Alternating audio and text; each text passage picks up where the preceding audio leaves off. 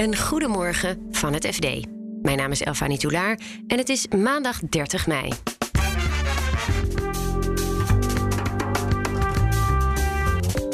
Koop lokaal.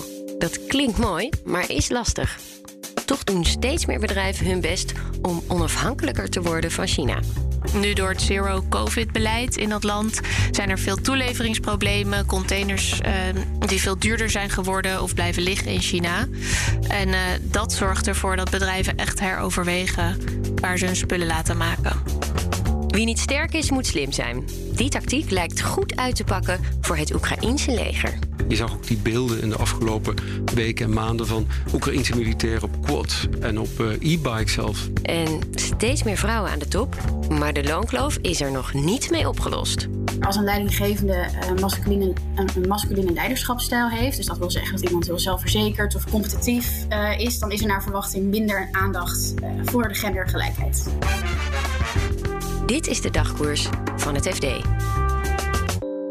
Er zijn genoeg redenen te bedenken om niet langer afhankelijk te willen zijn van China. De mensenrechten, het klimaat en de pandemie, om er maar een paar te noemen. Producenten en consumenten doen hier dus hun best voor, maar de vraag is: kunnen we dat eigenlijk wel? Julia Cornelissen, redacteur retail bij het FD, ging dat testen. Ja, we waren wel benieuwd omdat bedrijven toch vaak verwijzen naar de verantwoordelijkheid van de consument of zeggen de consument kan kiezen. Uh, daarom wilden wij gaan kijken: heb je nou wel iets te kiezen? Of ontkom je gewoon totaal niet aan China? En? Uh, ja, je ontkomt er niet aan. Het is heel ingewikkeld om, uh, om allereerst uit te vinden waar producten vandaan komen. En om vervolgens China te vermijden. Dus het was. Ja, want wat kom je als consument tegen als je dit gaat proberen? Nou, je, je komt China gewoon overal tegen. En ook waar je het niet verwacht. Bijvoorbeeld in de kinderkamer was het heel opvallend dat alles uit China komt. Terwijl veel ouders waarschijnlijk verantwoord willen kopen voor hun kind. En dan juist denken aan lokaler of precies weten wat er in een product zit. Nou, dat blijkt dus heel lastig te zijn. Uh, het is soms onmogelijk als het gaat om lampen bijvoorbeeld. Ook opvallend was uh, bijvoorbeeld uh, knoflook in de supermarkt, komt heel vaak uit China. En daarvan dachten wij, hè, dat moet dan een maand op een boot liggen. Is het niet gewoon veel handiger om dat uit Europa te halen? Maar nee, blijkbaar niet. Bedrijven uh, proberen wel minder afhankelijk te worden uh, van China. Vanwege ja. allerlei verschillende redenen. Zijn jullie al veel bedrijven tegengekomen die daadwerkelijk hun productie verschuiven of dat in ieder geval willen? Ja, ja, we hebben ook een rondvraag gedaan onder bedrijven. En eigenlijk zeiden ze bijna allemaal um, dat ze hun afhankelijkheid willen afbouwen. En um, dat is uh, op zich wel opvallend dat ze dat eerder nog niet echt deden. Toen er bijvoorbeeld al heel veel bekend was over mensenrechten schendingen.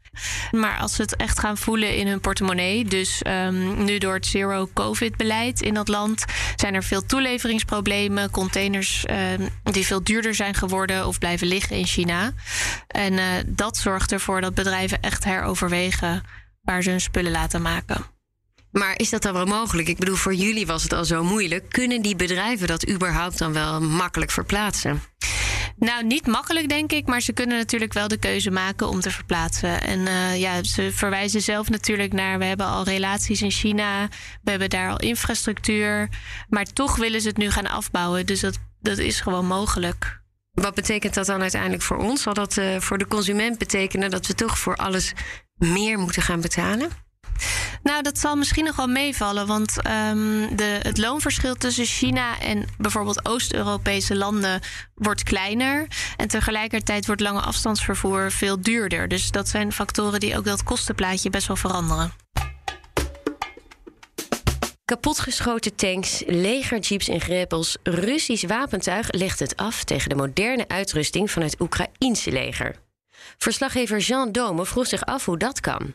Zijn zoektocht naar antwoorden bracht hem onder andere bij de annexatie van de Krim door de Russen in 2014. Die annexatie destijds eh, van de Krim die is eigenlijk redelijk soepel verlopen. En, en oogde allemaal modern wat we zagen. Dus we hadden het idee van nou, die Russen, dat is een niet te onderschatten factor. Ze geeft natuurlijk ook veel geld aan defensie uit. En dat ziet er allemaal heel gelikt uit. Maar de, het, bijzondere is eigenlijk dat ze in die aanval in Oekraïne komen ze er dus niet of niet goed door. Lukt ze niet. Maar zie je nou ook in deze oorlog wel echt uh, moderne wapens? Of is het vooral toch wat we ook zien, ja, dat het je af en toe een beetje aan uh, veel eerdere oorlogen doet denken. Ja, ik las ook, uh, dat is weer een ander verhaal, dat heb ik niet zelf geschreven. Dat er nu, uh, ze hebben heel veel tanks in de opslag nog staan. Uh, oude tanks, soms 40 jaar oud. En die worden nu ook uit de mottenballen gehaald en ingezet. En ja, je krijgt eigenlijk medelijden bijna met de Russische soldaten die daarin moeten kruipen. omdat je ook weet wat voor moderne antitankwapens de Oekraïners krijgen uit het Westen. En eigenlijk, misschien is het goed om daar wat over te zeggen. Want ook de experts die ik sprak, Danny Pronk van instituut Klingendaal bijvoorbeeld die zei dat Oekraïense leger heeft sinds 2014, het is natuurlijk een, een, enorme nederlaag geweest voor het leger, dat die Krim eigenlijk zo relatief makkelijk geannexeerd kon worden, bezet kon worden door de Russen. En ze zijn, uh, ze zijn heel hard gaan werken. En ze hebben, ze hebben gekeken wat voor strategie kunnen we die Russen nu opvangen. En, en een van, van de dingen is dat ze dus veel geoefend hebben met kleine, wendbare eenheden. Je zag ook die beelden in de afgelopen weken en maanden van Oekraïnse militairen op quads en op uh, e-bikes zelfs met uh, antitankwapens achter de rug. Ze maken ook heel goed gebruik van hè, drones die vliegen, waarmee als ze informatie zien, dan zorgen als ze informatie krijgen, dan zorgen ze er ook voor dat ze heel snel aanvallen vervolgens. En dat zijn dingen waar die Russen, die eigenlijk een, een veel traditionele leger hebben. Dat is ook een andere expert die ik sprak, die zei van kijk, de Russen hebben er wel aan gewerkt. Die hebben gewerkt aan de modernisering van hun leger. Maar eigenlijk blijkt het nu niet uit de verf te komen. Nee. En uh, een van de dingen die de Oekraïners ook slim hebben gedaan, wat de Oekraïners hebben geprobeerd te vermijden ten koste van alles, dat is een open veldslag aan te gaan. Want dan, eigenlijk, nou ja, dan, dan zijn de Russen in hun element. Dat is wat het leger goed kan. En dan zouden de Oekraïners ook de mindere zijn. Welke lessen kunnen andere landen die zich uh, misschien wel voorbereiden op toekomstige oorlogen hier nou uittrekken? Ja, dat is interessant. Een van de vragen, er is natuurlijk meer over gespeculeerd de afgelopen tijd, is van bewijst deze oorlog in Oekraïne nu eigenlijk dat het tijdperk van de tank voorbij is, om maar eens een belangrijke vraag uh, op te werpen. Commodore, een hoogleraar oorlogsstudies Ozinga, heb ik die vraag ook voorgelegd. En die zegt, nou, die, die conclusie kun je niet zonder meer trekken. Nee, in deze strijd in Oekraïne blijkt de tank niet effectief. Dat had ook met heel praktische dingen te maken. Je moet je voorstellen, was er een hele strenge winter geweest... dan waren de Russen veel mobieler geweest met hun tanks over die bevroren ondergrond. Maar het vroor helemaal niet hard en er was heel veel modder. Dus moesten ze over wegen en lange kolonnes rijden. Dus uh, ja, het belangrijke les is wel, denk ik ook, uh, dat je als relatief klein land, dankzij die moderne middelen, en denk ook dankzij de beschikbaarheid van drones in staat kan zijn om een grote tegenstander op afstand te houden. Het gaat langzaam, maar er verandert wel iets. Steeds meer vrouwen schuiven aan aan de bestuurstafels van grote bedrijven en instellingen. Toch lijkt die opmars aan de top de loonkloof tussen mannen en vrouwen niet automatisch te dichten. Dat vertelt Elisa de Weert van economenvakblad ESB. Ja, er zijn eigenlijk twee hypotheses die dit proberen te verklaren. Waarom, dat, uh, waarom vrouwelijke leidinggevenden eigenlijk geen effect zou hebben op het uurloon. Um, ten eerste zou het bijvoorbeeld kunnen dat vrouwelijke leidinggevenden uh, ook maar radartjes in het geheel zijn. Uh, misschien hebben ze helemaal niet de macht of de wil om actief gendergelijkheid op de vloer te beïnvloeden. Um, maar daarnaast zou het natuurlijk ook mogelijk zijn dat vrouwelijke leidinggevenden gendergelijkheid juist afwijzen. Dat noemen we de, de Queen Bee-hypothese. En die zegt eigenlijk meer als een leidinggevende uh, masculine, een, een, masculine leiderschapsstijl heeft. Dus dat wil zeggen dat iemand heel zelfverzekerd of competitief uh, is. Dan is er naar verwachting minder aandacht uh, voor de gendergelijkheid. Hmm. Toch een heel klein beetje teleurstellend, hè? Wat vind je teleurstellend? nou ja, het zou toch mooi zijn als het op deze manier toch wel opgelost zou worden.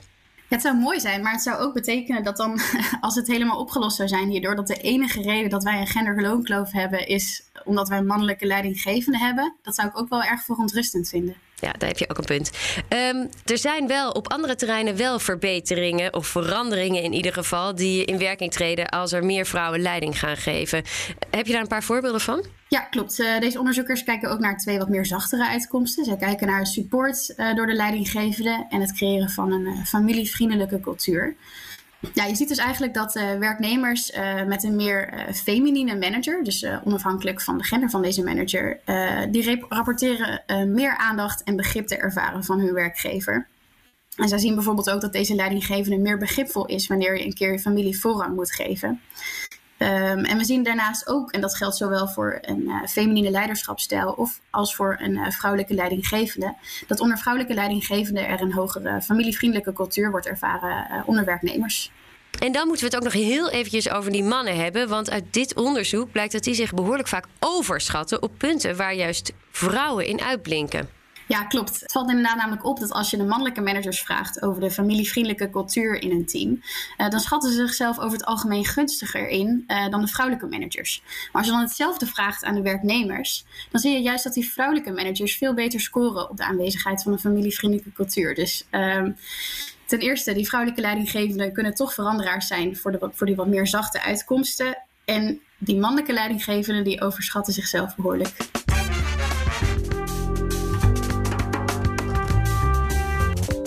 Dit was de dagkoers van het FD. Elke werkdag hebben we een nieuwe aflevering voor je. En als je ons opzoekt in je favoriete podcast-app en je abonneert, krijg je die automatisch binnen. In de podcast-app vind je ook de show notes met links naar de verhalen waar je vandaag over hoorde. Morgenochtend is er weer een nieuwe dagkoers. Voor nu een hele fijne dag en tot morgen.